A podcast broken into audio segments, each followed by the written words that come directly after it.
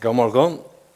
Hvis vi uh, er vi begynner, så, hvis vi øymen dere, jeg vet er jo i en tjattlæra, for uh, cirka 2000 år siden, og i Rom, til Mist, mamman er akkurat kommet etter av marsna i noen, hun har kjøpt, hun har kjøpt, jeg vet ikke rett, så man kjøper til hva som man har hatt, han kjøser, bøner og alt annet, hun kom inn, og gjennom detta lilla huset, den lilla kjallaren, detta lilla huset her.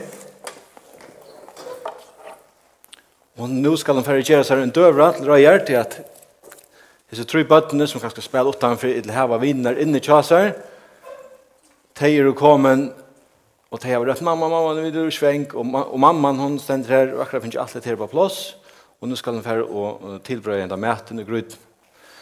Hukst ikke så, Mæren kommer brestand inngjøring dette og sier, vi da det kvært, til brev kom, vi da hørt fra Paulus. Vi da hørt fra Paulus, og brevet har vi lyst opp og ikvalt. Mamman, hon var skunda seg så at tilbrøy etter, og gjør sånn at maten drøyer, heter hoksa døm etter, heter ikke bøyblene. Og hon tilbrøy sånn at mæten, og alt, alt familien fra sted. Prøv så lort jeg bort. Om kvöldet er alle familjan er samla, så var dette lys. Paulus tjener i kryss, kallar til apostel, kåsene kunnskjer evangelium gods, som han framan undan i høylevun skriften hov lova vi profeten søgnom. Om sån søgn, som etter holdt noen er føtter av at Davids, og som etter anta høylaløygans er vi kraft prekvaver at vi er sånner gods vi opprøst fra hennom deg og Jesu Krist, Herre okkara. Vi honom har vi finnst nøye og apostelembete til at virka troarlutne mellom öll høytningafelskene. Høytningafelskene til vit og rom. Navnet hans er alle høyer. Mittlån tørre er og tid vi. Hine kalla av Jesu Krist. Til öll hine elska og god som i rom er og kalla heile. Nøye vi vittekon og fri fra gode feir okkara og Herren og Jesu Kristi. Fyrst takk i gode munnen vi Jesu Kristi for tikkun og öll at trygg tikkar i tiltidgen og allan heim. Det er en av familjan som kanskje lije spott og ha til at de har valgt nek anna enn det som de som nabukanne ikke hadde nødde valgt. Papen er kanskje ikke finnes det arbeid som han engste seg, men det finner nek Paulus åpenberer dem årgods. For det første fer ble det her lyset i dette brevet, som vi leser ur Rombrand 8, noen vers fram. Det var det første, det finnes jo fringe fram og ikke retten, og det var skrivet tarre. Trygg tikkar er tiltikken om atlan heimen, også at han høyer og ta, ta trost, og ta som har vært i hjertet av sånne ramveren som finner til høyre for første fer. Og vet at det kvært, alle de brøvene som Paulus skriver er jo luknande såren her på. Det er personlig brøv, som er skriva til person som er, som er tryggvand i ans og vit, men som har li nekv, nekv verre omstør enn vit hava. Det var strust og strevast og strust, og det var finnje nekka, og Paulus er amboi.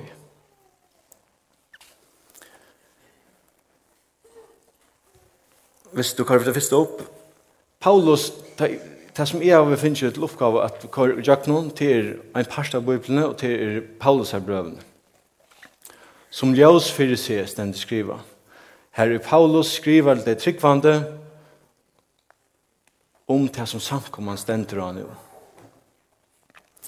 Og ta kjørst ikke bortstør etter øyla løyte ganske, men så har det et ivelig gos. Ta kjørst ikke bortstør, ta i færre jøkken, hvis brøven her på så kommer vi at nema vi løyve kja Paulus eh til Paulus er en eh som vi har då Jekvan tos om sista eh sista söndag så tås han om att Paulus han brände halt och fast för en sök men han brände för skövsök. Han rente seg mot 18 någon. Han møtte Jesus, og liv hans ble kolvelt. Det som vi så leser,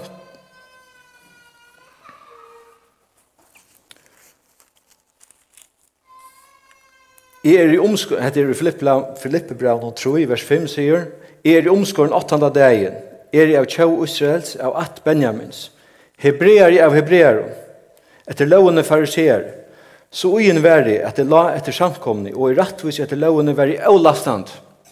Jeg brente hølt og fast på det som jeg tror.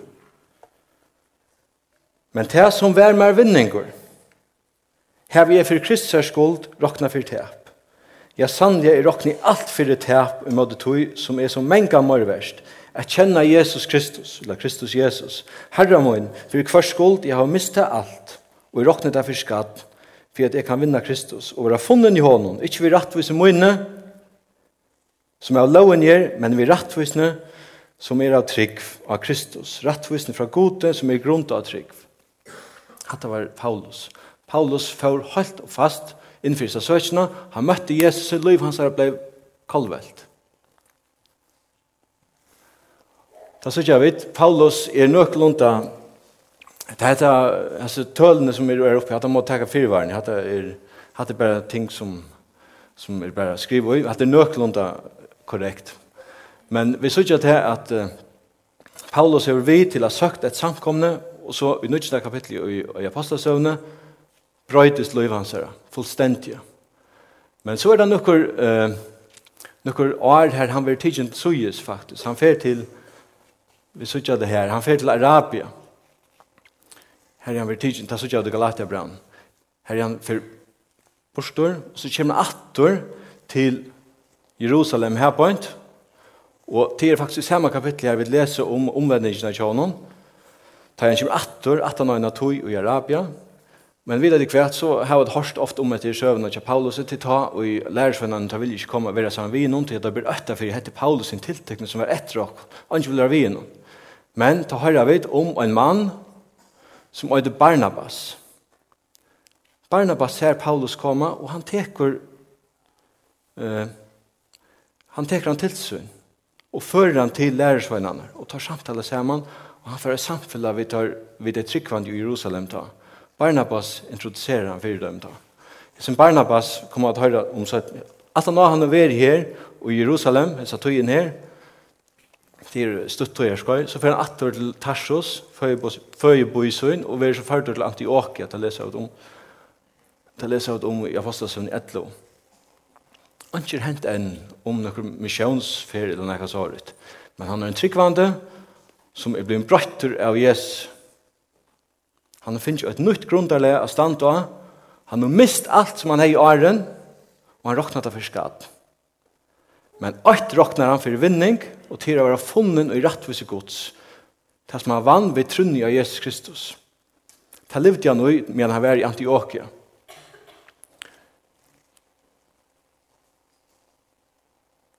Til her på en tid. Ta han er i Antiochia, så kommer atter Barnabas. Han fer og løyter etter som Paulus, til han høyrer om ham. Så Paulus hever larst i Antioquia, i samkomne, middelen til tryggvand i Antiochia. Og Barnabas løyter hans opp, og ser man være Barnabas og Paulus sender ut av første trobaraferina, som er faktisk trobaraferien til Galatia. Galatia Og vi uh, hørte om sørste sondag at det var Apostasøen uh, hever et ligla vers som under Apostasøen 8.8, her det ligger som sier Guds i glede bådskap skal sprøyte ut, det skal være Jerusalem, Judea og Samaria og Atlan heimen. Uh, ta i Ananias bo om affære etter Paulus, så sier, så fann han en oppenbering fra Gode som sier, han er mer en utvald røyskap. Paulus var en utvald røyskap til Gode. Gode i hese planene som ständigt i Apostelsøvn 8-8 om å sprøye ut. Peter var vi til at her, veldus, her omvendt oss større fjølter i Jerusalem til Jesus Kristus. Vi er nå kommet til, og det stender oss nå i, at uh, samkommene har fri i Samaria og, og, og Judea. Akkurat om tøyene tar i, i, i Paulus kommer til trygg. Så i, i utbrøsene vi er ute i heimen, om alle heimen er Paulus, Paulus en sentralan løyklot. Så tar færa av sted, og vi sutja så, her er færa ikke jøkken alt det der, men, men til sutja at tar færa, tar færa vi bat, til som hava omsettingene ikke viktor, til sutja at det er grafisk gjennom korset, Så hvis du vill jag det grafisk, det som jeg skriver upp i A här så kommer det hit ju att så in det så blöven här på. Men det som er til det er Paulus og, og, og Barnabas, det er ferdig som er trobare ferdig, og tar bruker disse strategiene, at de kommer inn i byen så leiter de opp eh, synagogene. Her er loven vi lyser opp, og her er skriftler du er. Tar de kommer, så ferdig de inn her, og lurer seg ned, og så prætikar de nutja, ta nutja bådskap, glede bådskapen, hin nutja sottmann som, som, som tar opp livet og sin egna liv, Og vi høyrer om at tryggvande menn, eller og i middelen hesar, omvendast eh, menn og kvinner. Og livet brøytest, og, og tryggvande koma og at byggva i hesten her støvnen her tar er og i hebøynd. Og det hendte henne ferien her, hun, hun var altså hessa tøyen her. Og så, ta første brevet som vi så kommer til, som ikke er det første i Bibelen, at han har apostelsøvna, til Galatia. Det er onkel til tver teorier om når Galatia brev vi skriva. Anna er det her, til Øystein som er her point, til det at i Paulus fer, første trobare ferna, så fer han til sikra Galatia. Ikke den norra Galatia, men det sikra Galatia, og tog skriver han Galatia brev vi her point. Hvis jo i Paulus er ferdig til norra Galatia, så er han ikke kunne skriva til Galatia så så jag visst visst ju det var norra Galatia så ni skulle skriva att här en Tui placerar onkel Galatia till lika mycket faktiskt men så placerar onkel Galatia brevne samman vid Rombrevnen och Korintbrevnen till den norra teorin om Galatia brev men så ser jag här det här till inte farligt ut men hette är det som ta anta dör Galatia brev i skriva på ett arden eller om ta monte ta arden tar fär in och jag passar söna 15 Apostelsøvn 15 er også en, en likla kapittel i Apostelsøvn her i, og det er også nok så godt travet til som stenter i Galatiabrevet. Galatiabrevet er en... Uh, er en manifestasjon at han nødja løyve og det nødja sottmalanen er totalt nøye. Her kan ikke vinnas vi lov. Det er faktisk det i apostelfonderen øyne er om i uh, Vassasund 15 at til an nøye gods at vi er vunnen til å være bøten gods. Av lov vinst ånds. Av lov kommer øyne sannan av sint. Og loven fører oss til Kristus. Hon er våren tiktar i okkara til Kristus, til det som loven er. Men grunderleg under samkomne som vi bytja til å nøye gods, og til henne i stand, sier Paulus, til Galaterbrev. Vi leser så til at av 17. misjonsfer ta koma Barnabas som var vinneren til Paulus og, og, og, og Paulus til Kvastrui tar avsamt om Johannes Marskos og tar vil ikke han vi og alt det der det enda så vi at ta skiljast. Barnabas fer vi Johannes Marskos men Paulus fer vi Silas. Paulus og Silas fer så er misjonsfer Ta fæder Ta for at ikke vi bate, i vil men ta for i vil land, i rett. Og, og dette her er trobara ferien til Grikkaland. Og her, uh, nå hører vi om alle kjente støyene som vi annars kjenner ganske bedre enn Perge Lustra, men vi kjenner Korint, vi kjenner Aten, og alt det. Til hese ferien, han ferien sin det langt. Til Trutjar misjonsferier. Ta fer lukka som bildsjon i rett, tja Paulus. Hette det mittast. Hon, hon, hon handlar sig primärt om till Greklands. Og det var här så är missionsferdene at uh, Timoteus som vi då kommer höra om, om han løtt om, kommer upp i ferieleg i Kjallheim. Her i Paulus møter Timoteus i Lystra. Det leser jeg om i Apostel 16. Og eh, det var helt det at Hepoint var det første brøvene skriva i eh, til Thessalonika. Thessalonika var en samkomma, Saloniki, nu var døven, her i Paulus skriver faktisk, og, og vi kom atter til det, men i høvesøyden er det, dette er det fyrst av brøvnen, men som i stauron og høylen skriver om det sørste tøyene tja løyvene i en tryggvant, tja en tryggvant. Thessalonika brøvene handler nekv om at det kommer Kristus, søyden at det kommer Kristus, om vevnene vi har i Kristus, Kristus, at kapitlene tar, tar enda vis ned i røysene.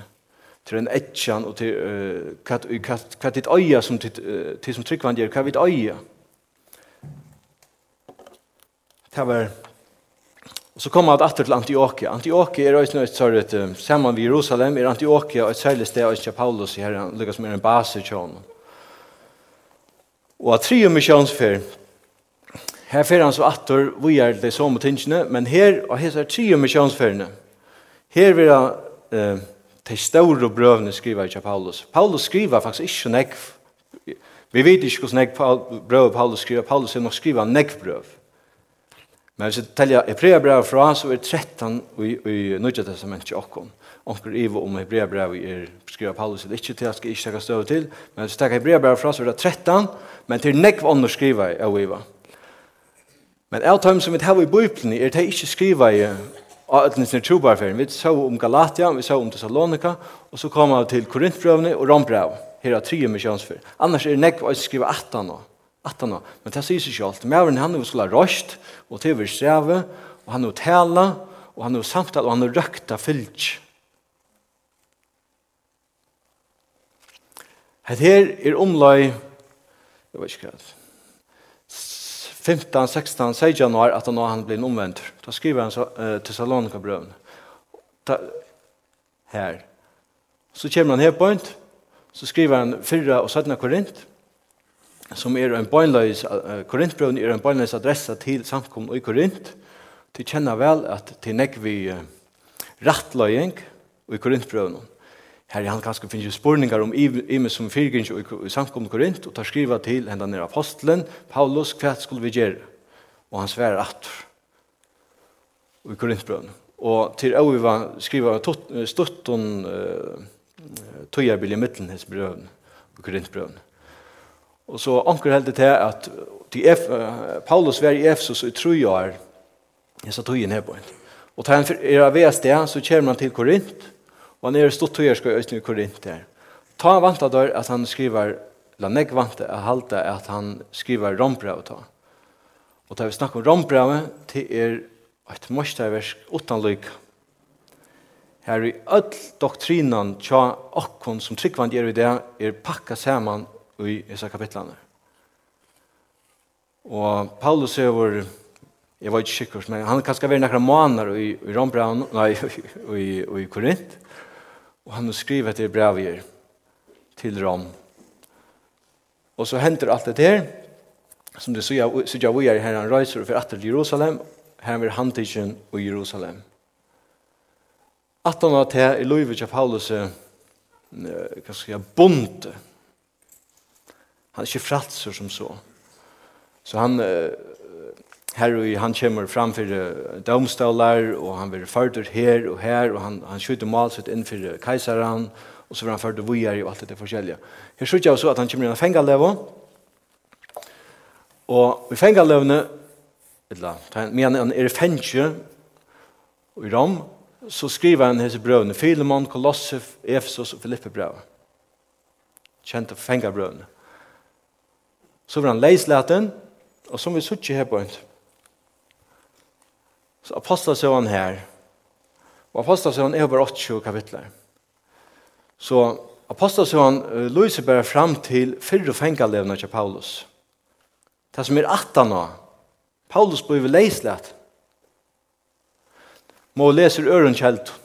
Han var så leislet en hepant, ikke tek ham jo i årstølen som så, men her er løy, og det er sindri ivom hver han er. Onker heller han er i Spania, onker heller ikke, og Men Kreta, det så vi forskjellige referanser til, og han er i Makedonia, til her som Grikaland er, og i Asia her, Grikaland er, og så satt nå, han, han er ikke leist at han lunch, så var han tidsen natt, Og folk halda, som er folk halda, gos han ble tidsen, men han uh, nere var uh, keiser i Rom, og her løy han og sin blåvetten steg han, omløy er tjejutrus. Og i endan av tøyen, i 18 av leisletingen av det fyrre uh, fengalevn til Paulus, så skriver han til pastoral og uh, brøvne til oss. Her han skriver til Timoteus, som kom vid noen ærer misjonsfer, som var hon en stol, og som var hon en, en uh, her i handlugga som heter, heter en som kan føre dette vi er. Her skriver han Timoteus her, Timoteus, og sådana Timoteus er bra, og Tits er bra. Nu hoppas jag det jag vi det av sin liv nu Paulus. Men till lukka som brövene som är i Bibeln är inte sett in kronologiskt så som de är skriva i. Och det, och det handlar om imes ting. Och då är det kanske uh, tar man för hem att läsa och brövene så är det gott att vita kvar han var i omstund. Till och med Filemon. Filemon är en lite brev och på, på en kapitel.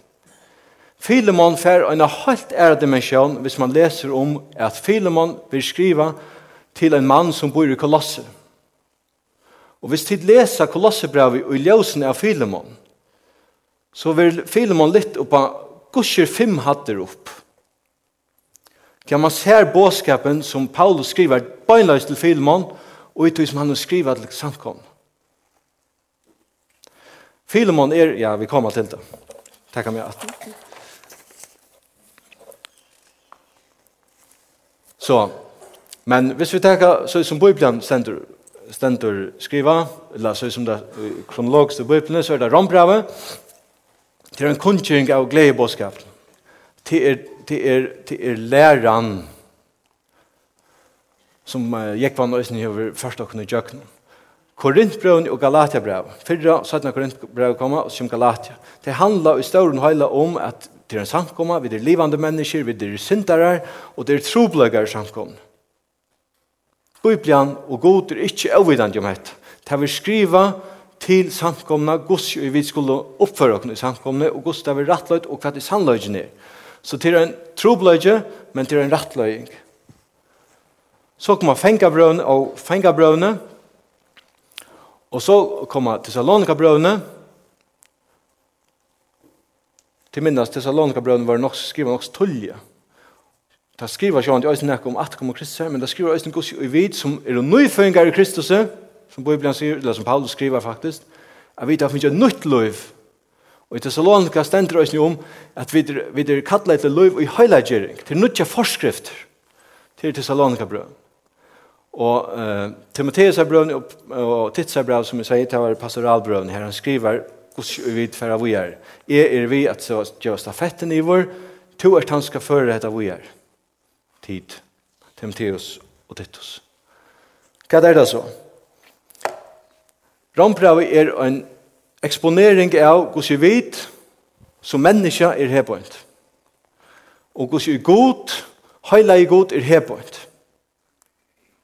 Gossi ui god, han er heilaver, og vi som er sinti, vi er totalt hjelparsleis og måttleis, og vi er deadømt til Rombrav.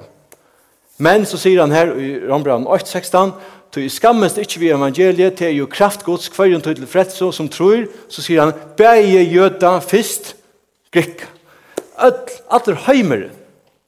Og ikkje som åren, her er ikke slapp inn til uh, tempelet, eller nekka som helst, det var fyrihildet til deg, Det skulle ingen avrøyner til. Men nu er alt opp, opp for alt, for åkken øyne. Og til grunnarlæren ut i nødja sattmalanen, som er uh, frelsa ved trygg av Jesus Kristus. Fyrsta Korintbrev, det viser dere nå at vi bergjast ved en anda og holdt. Holdt og anda standa hver en ørne møte. Vi leser om en samkommer som er utropelegger anden slipper ikke fram at Hold det av i samkomne.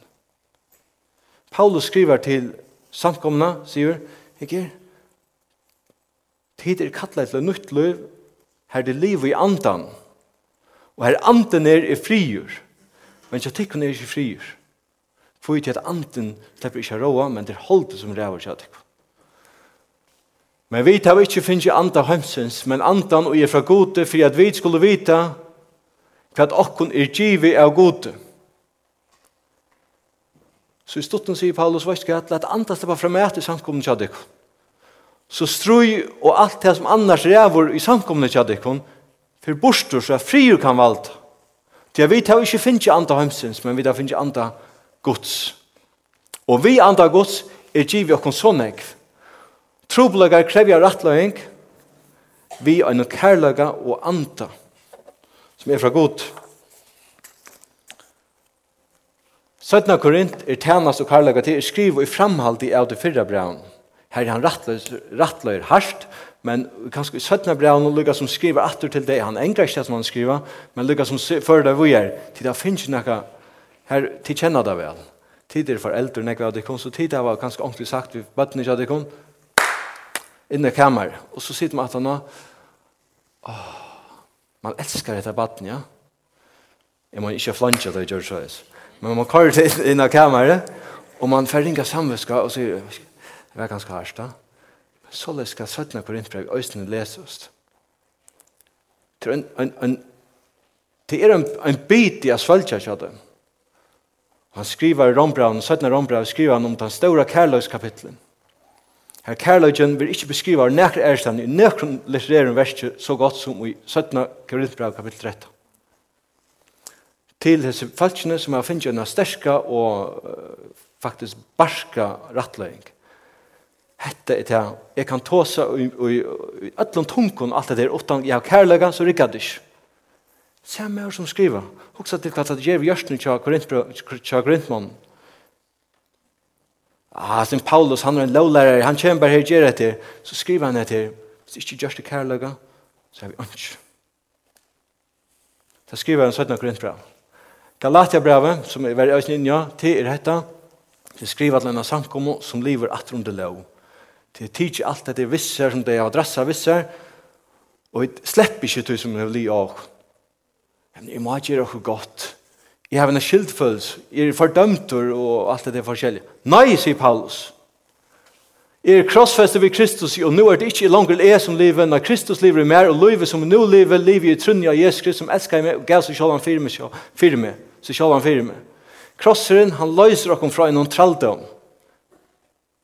Så gå det tid, at det som bildes dina nå i mer til tøyer, og ikke at det kan øsne, at det er fordøming, og og hos jo vana livet er, og til er ikke vannfirmer, og vi, vi gjør det feil. Men i Guds egen er vi ikke fordømt. Det er en sentraldommen som vi kanskje uimende okken kommer om man ivra okken etter. At vi, vi, vi blir fjøtra i synden okker. Paulus sier, er krossfest over Kristus. Er leiser. Til en nøye. Totalt nøyt. Til Galatia brevet. Efesos brevet, veldig av flott brev som skriver om hvordan vi vet er i Kristus. Støv okkar i Kristus. Paulus skriver atter atter, ui honom, ui honom, ui honom, ui honom.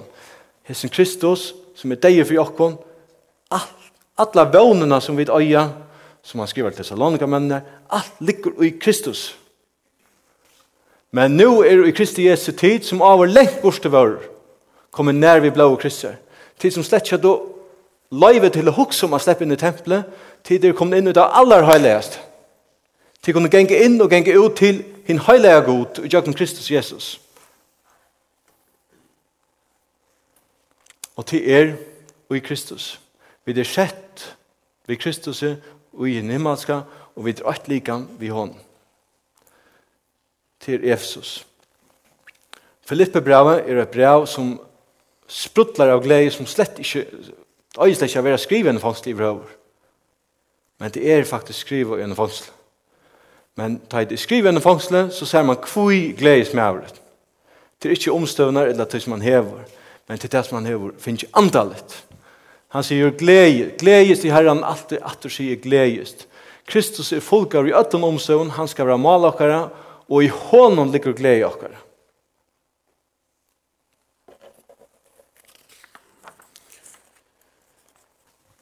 Kolossebrevet, støva Kristus, tog i honom bor öll fytling goddomsins likamlige. Kristus, han er han som heldur den oppe, og i honom ligger alt vald. Og vi er i honom.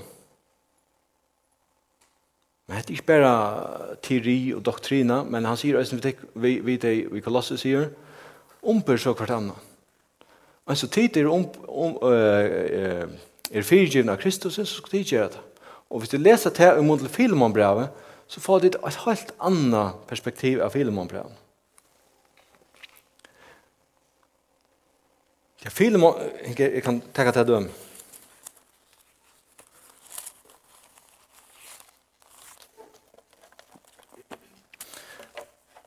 Vi tenker Filemon bare på nå, til stort. Det handlar om, i stort til en personlig brev, om til en mann som heter Filemon, som bor i Koloss. Han er veri, uh, han er fyrstum av i Kolosse, og samkom han seg samlas i hans hus. Og han har haft en træl som heter Onesimus, og Onesimus er rumtur, og i flytjande tja Onesimus er han kommet til Paulus. Onesimus er blivin frelst. Onesimus åtti en deade om da han var rumtur. Han var åkn tja en øre mann. Og Filemon kunde finne mannen deia, hvis han kom atter til seg så satt som du råkna med som sambrøvertun, så takker man honom som i måte mer. Hetta nutja, som vi da finnes. Praktisera det, sier han vi filmen. Et personlig brev om en treal, til han sier, ja, finnes jeg Nesmos, han kom til mun, han blir en tryggvand. Jeg sender han atter til den. Takk med og Nesmos som du takker med mer. Og så får jeg et atter kolossebrev. Her sier han, Mauren Mævren hefur samkomleiare, og kanskje hefur han lysi etter brevi opp, jeg vet ikke. Her stender det i 3 kapitlet, vers, vers 12. Læte tikkum, som min utvaldo, høyla og elska av gods, og hjertans miskon gasko eimjogleika spek for jo lengmo. Ombere kvart anna, og fyre djevo kvart øron, om onkur hefur klævo mot onkur. Som Kristus hever fyre djevo tikkon, skulle eisen tid fyre djevo. Men iver alt detta klæði teknu kærlega, og han er band fullkomleikans. Hva skal mæren sige? Her alt lagt bare klost for han. Du kanst ikkje krevja så som loven kan krevja. Luiv og nesimus. Jeg gjør det god såleis vi til Filemon. Så var det deir i hese stund. Så luiv okkar som tryggvand gjer. Vi er kallet til en nytt luiv som ikke er bare så, teorier om rettvisgjering, heilagjering, og så fer vi det Det er det ikke. Det er grunta av, og grunndeler som er bitcher og hese tingene her, men det er sannlig praktisk. Og her er det er fettle, men til min erbjørn kvønt det at lesa og takk inn av oss ned, og leta meg fettle av deg, og virke etter deg. Så at jeg kan om, om fyrirgjeva og ombera og være kærlega. Det er det Paulus røyner sier vi samkommer. Og i Thessalonika til, om tænastene og vantene. Og han selv var god frierens, høylager tikkun, ødt som tid er, og måtte i ante sal og likam tikkere være varvet fullkomlige avlastande og komo herre okkar Jesus Krist. Etter en fyrøgan til at du kom herrens, at du kom herrens, om at vi er kattlet til loiv, er vi skulle liv okkar loiv til ære for han, og vi er hans herre tænast, og vi vanta at han kommer atter. Og til han kommer atter er det vidt avlastand til malokkere. Sødna til Salonika brev luktande, men det er kanskje meira støy og samkomne stein for utan anstaklinjen. Her han sier, stande fast brøver, halde fast vid lærdommanar og tid av finnkjefrokken, verda vi tal ved la brevet, til en trost til til tryggvandi om at halde ut til det finnes en sannleik. Han er fast i oss, til at de, de uh, trångt, og de, de blir uh, utsett for en mengt og kvæt. Hvor ser det så tjokk. Og så er det sier Timotheus av brøvene. Karla ikke godt til samkomna. Her er det er Paulus som er vi en er er misjonsfer, som er blevet en, en av de eldste, eller en av de stendte fram i samkomne, Her er Paulus skriva, skriva til han, gos jo du skal bære etter vi er. Til Øystein Hesen brøvnen her stander, feie trofast om måned det hent. Paulus hever ikke bare et her løyve, han sier, jeg vant at Jesus kommer atter. Men jeg har, han har nekst større perspektiv. Han hever et perspektiv av alle samkommer gods. Så sier han dette, men skulle de ikke komme igjen, skal du av hesum vita gos i øyne er bera seg et i huset gods, som er samkom hins livande gods, stol og grundvalder sannlagans. Og det er så atter dette som vi kom til, som var i Korintbrønnen, og i gods livande samkom, her må anden skiva fyr. Vi kunne ikke bare, vi vi kunne saktans arrangera så, hvem sånn det her på, og det gjør det, at det stålar alt super, duper, duper, duper,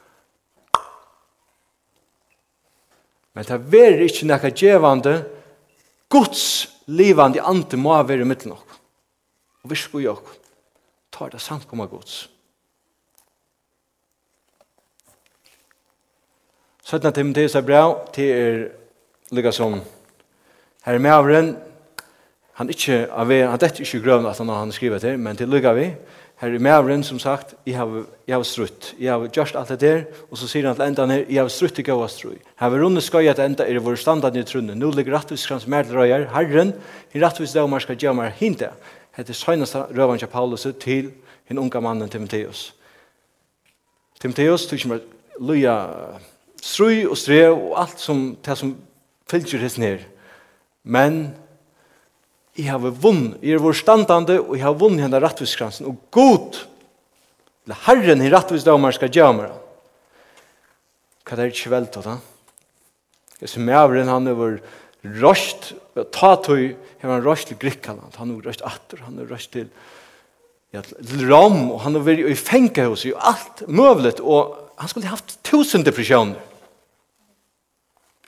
Men kvært, han helt oppi av god, Og tar han stendur, han sikker nye kroppen, la hva han skal være, så sier han et, jeg har haft det veldig liv sammen godt. Og, er, og, og rettvis kranser stendur meg og bojer etter meg. Det er ikke fantastisk bra. Og tids er brevet, som eisen er pastoral bra, lukka som sier, hva skal to er eisen øyne at de skal standa framme. To er øyne at de som er, han finner ikke rettvis mann, trofast mann til hent, to er øyne skal føre det vi. Så sier han her på en. Tøy nøye gods er åpenbæra ødla mennesker til freds, og han vener okken opp at avnokta godleis unna veraldig gjernder, og liva samlega, rettvist og godleia, og i heimnum som nu er. Hette er lokk tid. Vi skal liva godleia i heimnum som nu er. Så flott og godt som rombrau kan komme vi gjennom flotton, nu er Kristus i ikke fordømme for taimen, og alt er så forskjellige. Så godt, så, og alt dette forskjellige, så er det praktisk tid så er det liv her vi liva mittlen i familien okkara og av arbeidsplass i okkara her vi skulle liva og i heimen som nu er. Et andalega liv i røysni i hesnheimen vi grundalega i trunnet, det er praktisk liv. Så kommer vi til endan til filmonbrevet her vi vil gjøre. Men så, hva er det? Brøvene som vi, vi skriver, som, som Paulus skriver i lokken, ikke skriver om PADR. PADR-riger problemformuleringar tvär en halva så ju och som metodiker är finor och alltså allt alltså allt gott om det det släcker det men det skriva som personlig bröv till dessa mammorna kanske som var i som struttes och strevades för att få bönerna och, och ansjåsnar till att rycka här på men mitt i det hela så skulle hon åh, hon får till medan Paulus har skrivit ett brev om och hon lustar. Og det er til underfodlet, og dette er godgivet tid. Ante og året ferdig. At, jeg skiljer det ikke ordentlig, men det er til øysen skriva til, til nøyføringer Kristus. Utrolig sammansettinger. Det er skriva som brøv atter og framtid. Velja trobleikar. Og store sannleikar som vi kunne skriva tusen søyer om. Vi som mennesker er skriva som brøv, og vanlige folk, som vi ville sagt, var slett ikke lært i Rom, eller hver det skulle være, til skilje etter, til at de får det lyse opp, og andre gods åpenbære dem det, og til å bli livant. Etter først, etter ferdig oppkjøkken tog inn i alle veien, og det stendte til åkken i det, og etter skriva for tveit snarere søgjene, men etter sannelige, sannelige avaverst, men ikke bare avaverst, men etter øyre være lustbrøydende i munnen liv, Det er skriva til fetrar, til mammer, til fetrar, alt dette forskjellig. Det er skriva bøynløs til i det øyne.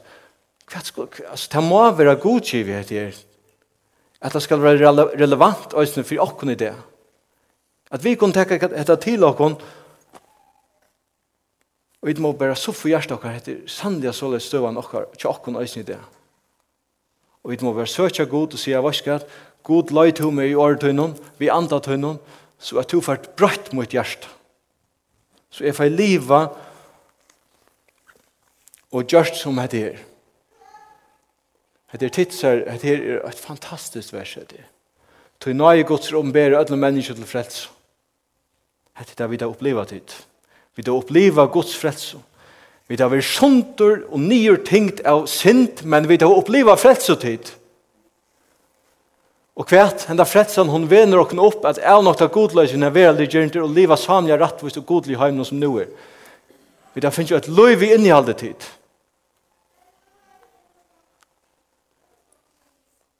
Å, gos verda, hei, jeg klarer livet hetta bet. Men hett vi du ha se hett her, at det er Guds større kærløy til og han er oppenbera vår vi Paulus er brevun. Paulus er sannelig en utvalde røyskapur og samkomman blei sprøyt rundt, og hun er brøtt verensøvn. Og vi sier her i dag, og vi kan takke seg 13 brøvene til okk, og vi kan si ammen til kvart vers. Jeg kan si ammen til kvart vers. Hvordan er det vi til her? Amen.